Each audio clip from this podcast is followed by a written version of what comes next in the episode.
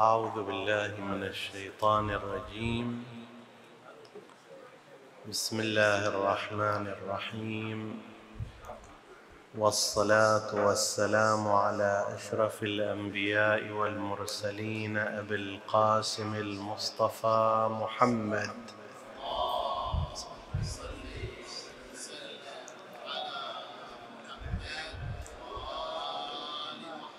وعلى آل بيته الطيبين الطاهرين المعصومين المكرمين. السلام عليكم أيها الإخوة المؤمنون ورحمة الله وبركاته. قال الله العظيم في كتابه الكريم بسم الله الرحمن الرحيم.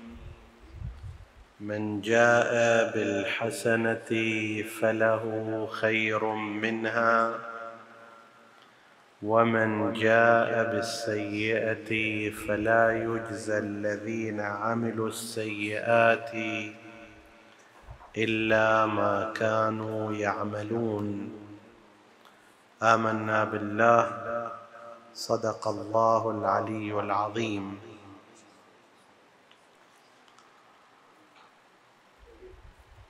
المقاييس الإلهية في الثواب والجزاء والآجر. مقاييس تتناسب مع الله سبحانه وتعالى. ولا تتناسب مع ضيق العبد ولا صغر العمل وقلته. وحيث أن الإنسان عادة ينظر إلى الأشياء بمقاديره ومقاييسه لذلك قد يتعجب أحيانا يتساءل أحيانا يتشكك أحيانا في مقدار العطاء الإلهي. وهذا راجع إلى ضيق وعاء الإنسان وإلى حدوده الصغيرة والقليلة. الآن لو أن رجلا متوسط المستوى المادي قال سأعطيك هدية ثمينة. أنت في ذهنك أن الهدية الثمينة عندي مثلا لا تتجاوز خمسة آلاف ريال. وبحسب مستواه هو أيضا المادي والعطاء أيضا في هذه الحدود قد تزيد أو تقل. لماذا قدرت أنت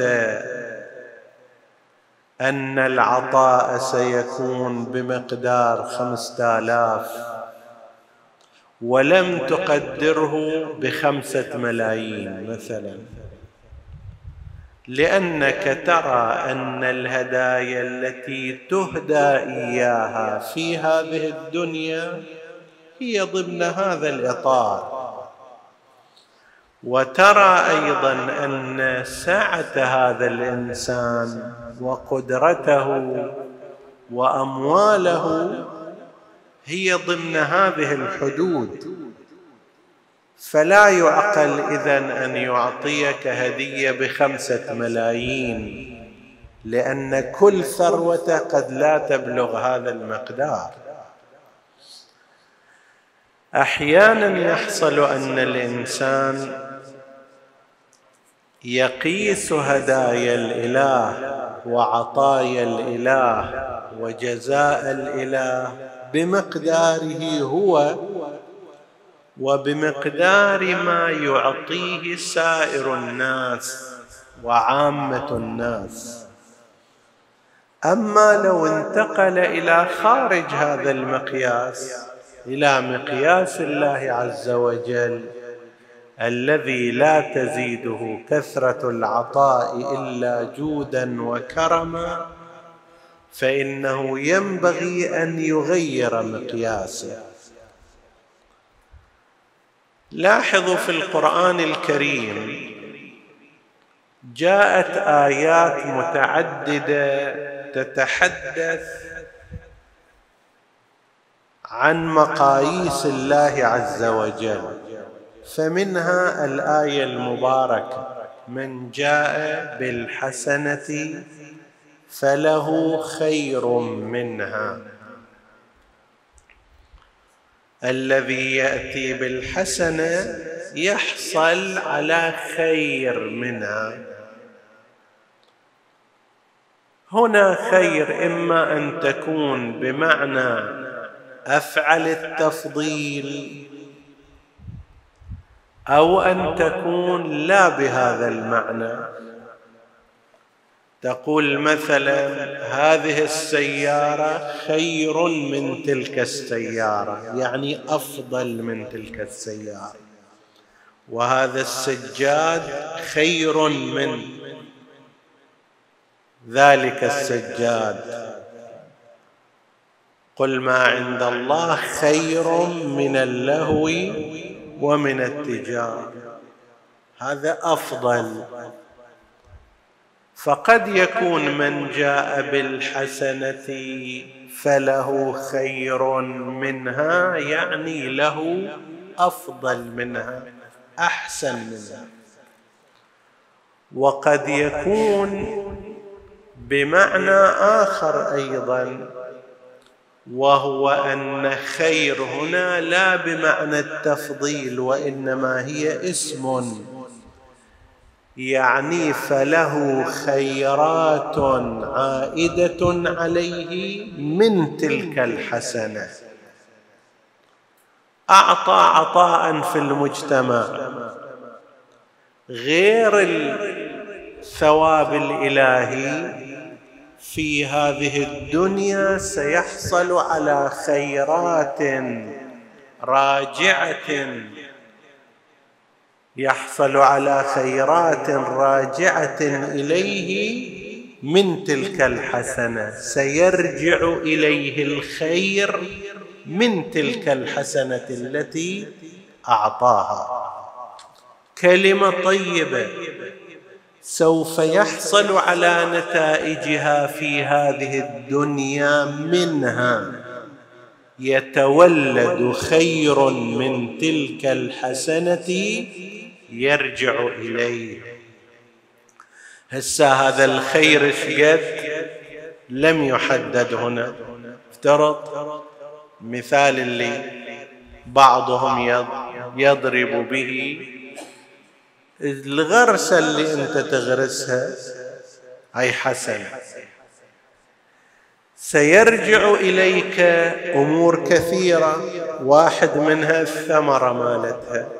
واحد منها الظلال واحد منها أنك تستطيع أن تبيع من ثمارها واحد منها أن نفس هذه الشجرة سوف تكون لك مئات وآلاف الحبوب من نفس النوع سترجع كلها إليك.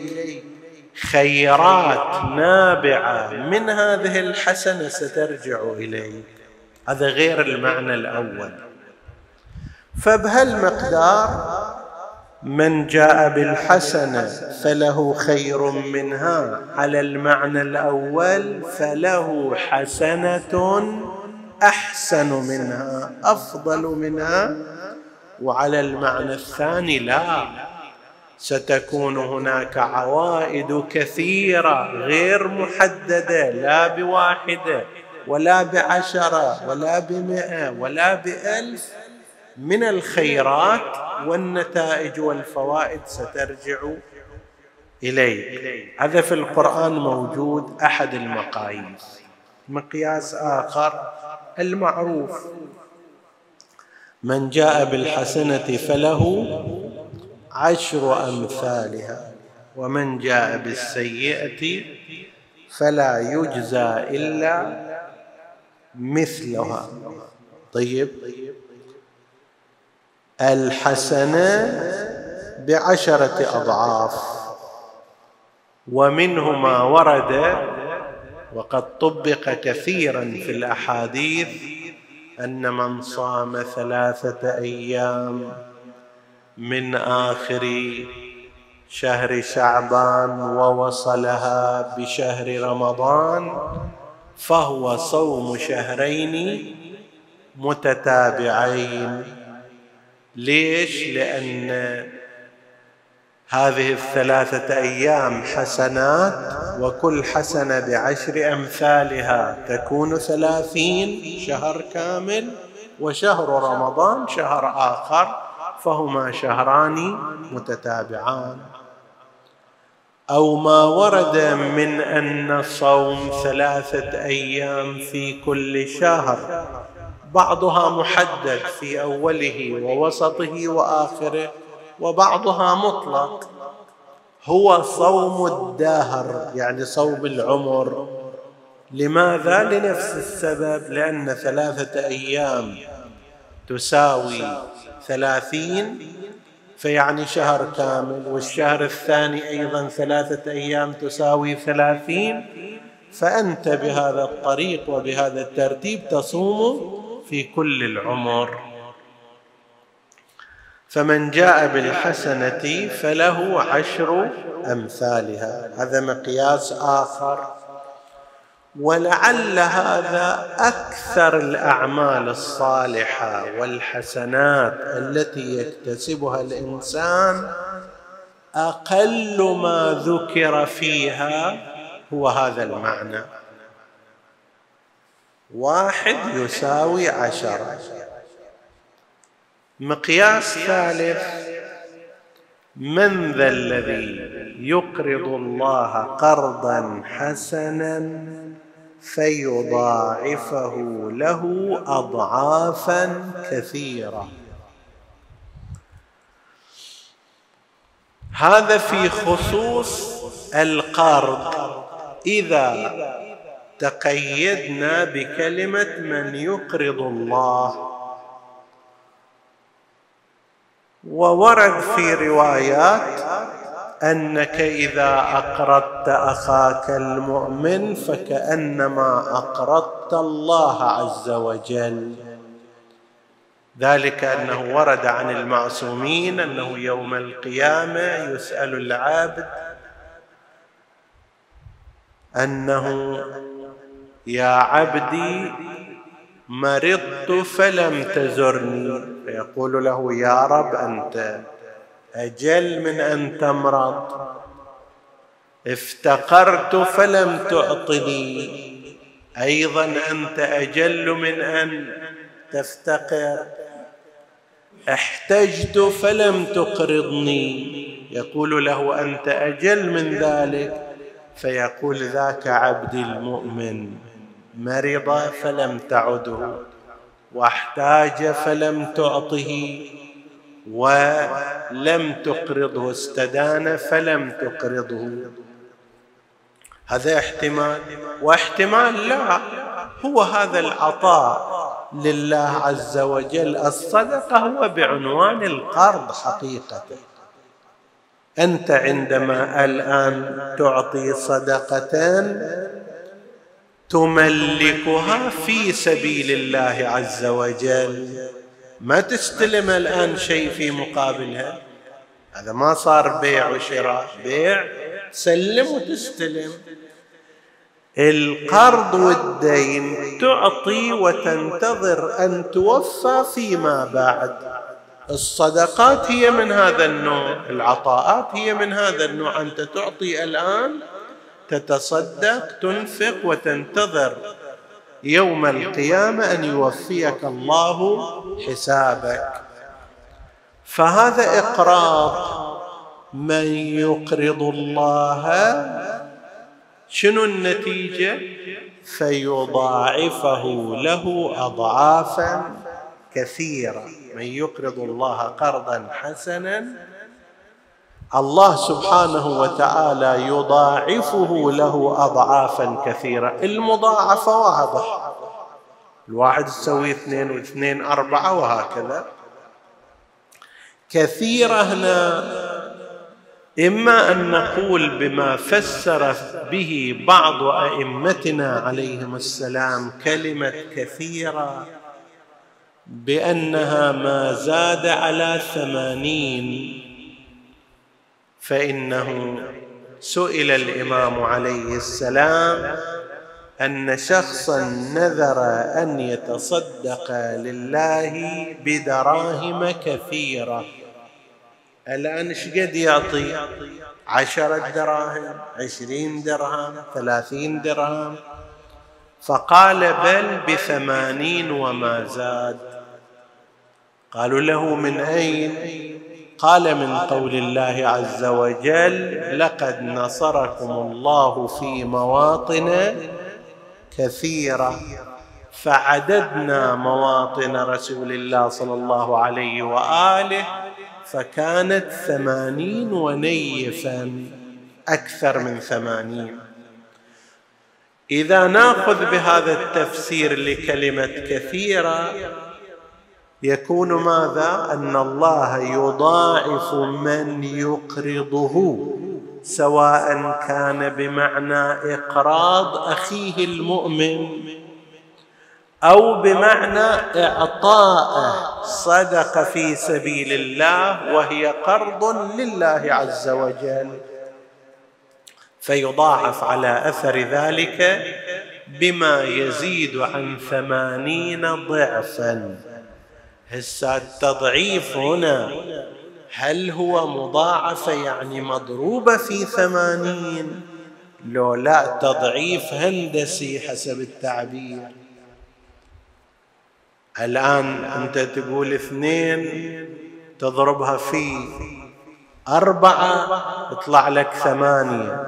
لكن إذا تضعيف هندسي اثنين ضعفه يصير أربعة. الأربعة ضعفها يصير ستة عشر ستة عشر يصير ضعفها كذا وعلى هالمعدل فإذا بهذا المعنى ثمانية ضعف فشيء عظيم جدا. وإذا كان الأول أيضا يكون عظيما.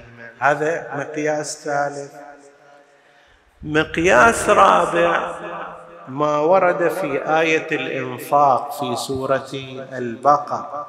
مثل الذين ينفقون أموالهم في سبيل الله كمثل حبة أنبتت سبع سنابل في كل سنبلة مئة حبة والله يضاعف لمن يشاء. سبعمائة في الحساب الأول والله يضاعف لمن يشاء بعد ذاك كم يضاعف؟ لا نعلم. يضاعف ضعفين ثلاثة أضعاف كثيرة مطلق الأمر. لا نعلم بذلك. فهذا أيضا من المقاييس. ومن المقاييس هو بغير حساب إنما يوفى الصابرون أجرهم بغير حساب. هذه كلها السابقة كانت شنو؟ بالحساب. فله خير منها أحسن منها أشياء راجعة إليه منها كلها محسوبة. بعشر أمثالها أيضا كذلك. سبعمائة سنبلة أيضا كذلك. يضاعف لمن يشاء أيضا كله بالحساب. نعم بحساباتنا إحنا صعبة. لكن هنا الصابرون يوفون أجورهم بغير حساب. شخص ظلمك وأنت بدل أن تجزع بدل أن نعوذ بالله تكفر بدل أن يتخلخل إيمانك صبرت على دينك وقويت إيمانك وزدت توكلا على الله عز وجل هنا أنت مصداق الصابرين. زوجة مع زوجها يظلمها زوجها يؤذيها يضربها. إحداهن نعوذ بالله من هذه النماذج.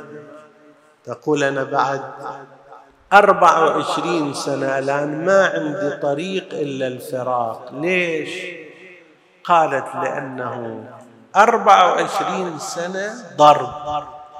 وضرب تقول بالخاتم الظاهر متدين زايد فيلبس بعد خاتم يعمل بالاستحضار طيب ويحرص على أن يكون في اليد اليمنى. تقول يضربني في هذه المنطقة وهي كما تعلمون عند المرأة منطقة رخوة بأقصى قوته إلى أن يطبع هذا الخاتم في هذه المنطقة. مرار رحت إلى سويت تقرير طبي وعزمت اشتكي في المحكمة. بس بعدين أقول أولادي وأطفالي وعيشتي وكذا فأرجع. وتقول اليوم هذا يترك باكر يترك غيره. صابر. ما إلنا طريق إلا أن نوصيها أيضا بالصبر. بس هذا إنما يوفى الصابرون أجرهم بغير حساب. لكن تعال شوف ذاك عقوبات. إن شاء الله فد يوم يصير عندنا حديث عن عقوبات الظالم. اقرأوا سورة ياسين سورة إبراهيم آخر السورة. زين. شنو الصفات اللي يجيبها عن الظلمة في يوم القيامة؟ ولا تتصور الظلمة يعني الحاكمين فقط؟ لا. أنا قد أكون من مصاديقهم أنت لا سمح الله تكون من مصاديقهم أنت أيتها الزوجة من الممكن أن تكوني من مصاديق ذلك. عندما يمد رجل يده بهذا العنف على زوجته من دون مبرر ولا مبرر للضرب لا يوجد مبرر إلا في صورة واحدة قضية النشوز على تفصيل ذكرناه. أما بهذه الطريقة فهذا يوم القيامة لازم ينتظر صورته مهطعين مقنعي رؤوسهم لا يرتد إليهم طرفهم وأفئدتهم هواء هذا حالة راح يكون. سرابيلهم من قطران تغشى وجوههم وجوههم النار. إن شاء الله يصير عندنا حديث في هذا في الطرف هذا طرف الإنسان الصابر. أي واحد يكون صابر؟ لأجل الله عز وجل. والصبر لأجل العيال هو صبر لله. الصبر للحفاظ على الأسرة وتربية هالجيل والنشء اللي اجى هو أيضا من أجل الله. هؤلاء إنما يوفى الصابرون أجرهم بغير حساب. عندنا في الرواية عن رسول الله محمد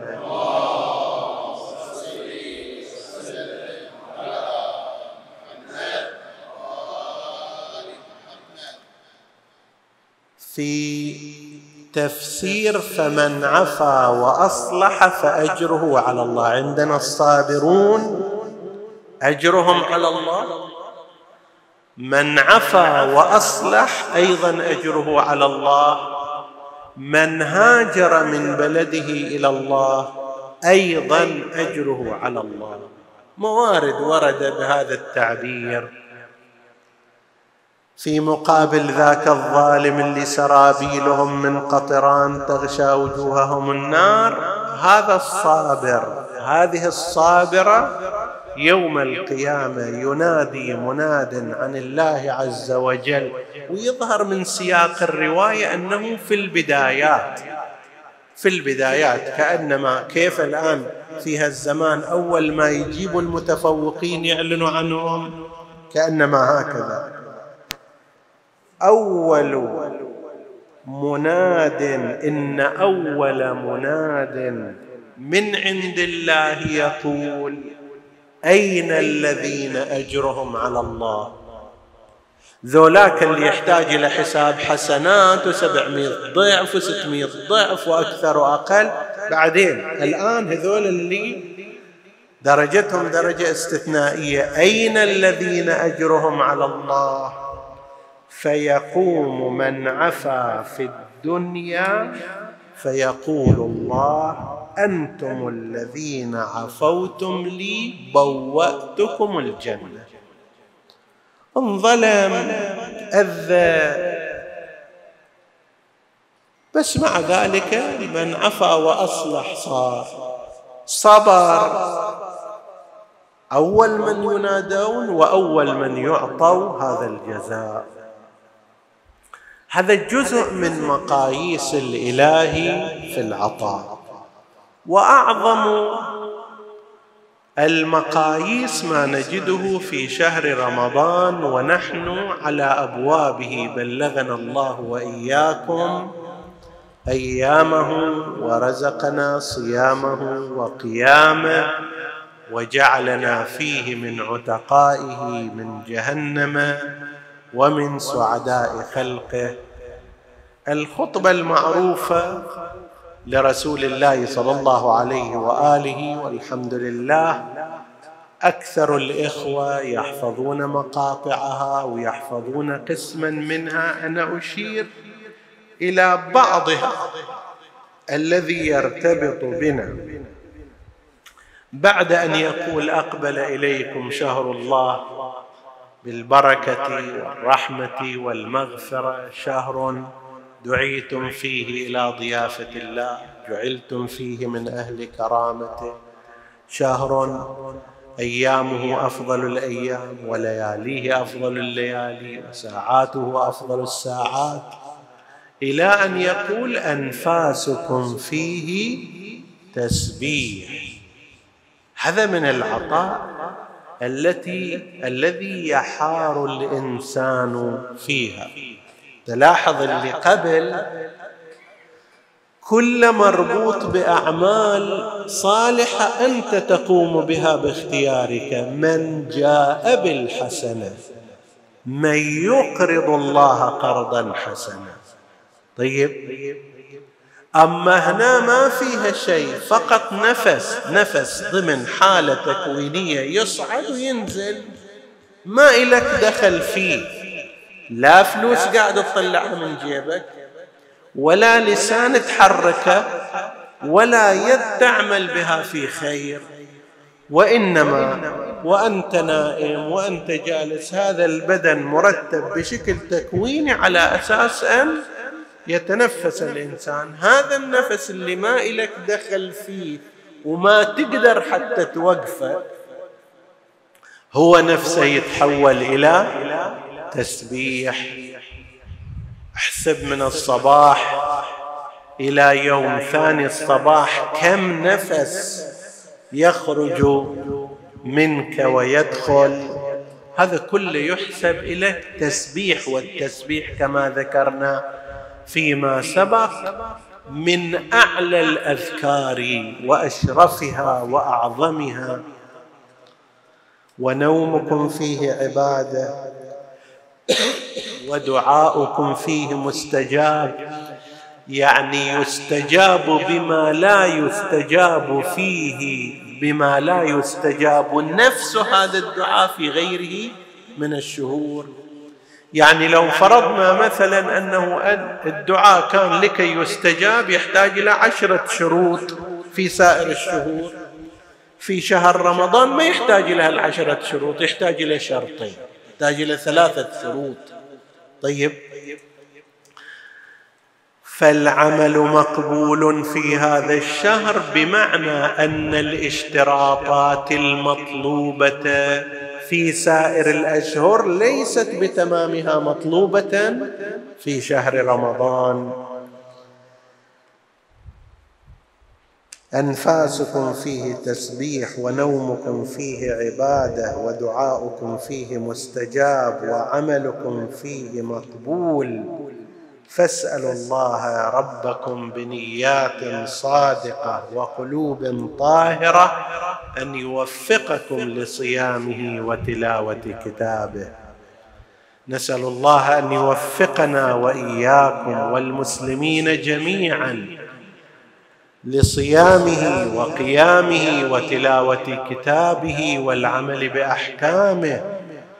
لاحظ مثلا من اللي جاء في الأعداد من قرأ آية في هذا الشهر فكأنما ختم القرآن في غيره من الشهور.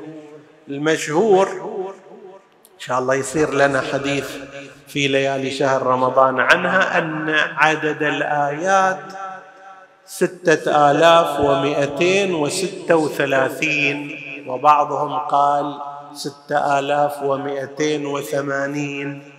وبعض وبعضهم قال بالوسط ليش هذا الاختلاف أيضا؟ نتحدث عنه إن شاء الله في محاضرات حول القرآن في شهر رمضان. لكن لو فرضنا أنه ستة آلاف ومئتين وستة وثلاثين آية من تلا آية في هذا الشهر تتضاعف في ثوابها وأجرها ستة آلاف مرة وتزيد على ذلك. فكيف إذا ختم القرآن مرة ومرتين؟ الحساب عندك. نسأل الله سبحانه وتعالى أن يوفقنا لهذا الشهر الكريم. وأن نستقبله ونحن مستعدون تمام الاستعداد لنيل رضا الله سبحانه وتعالى بحق محمد وآله الطاهرين صلوات الله وسلامه عليهم أجمعين.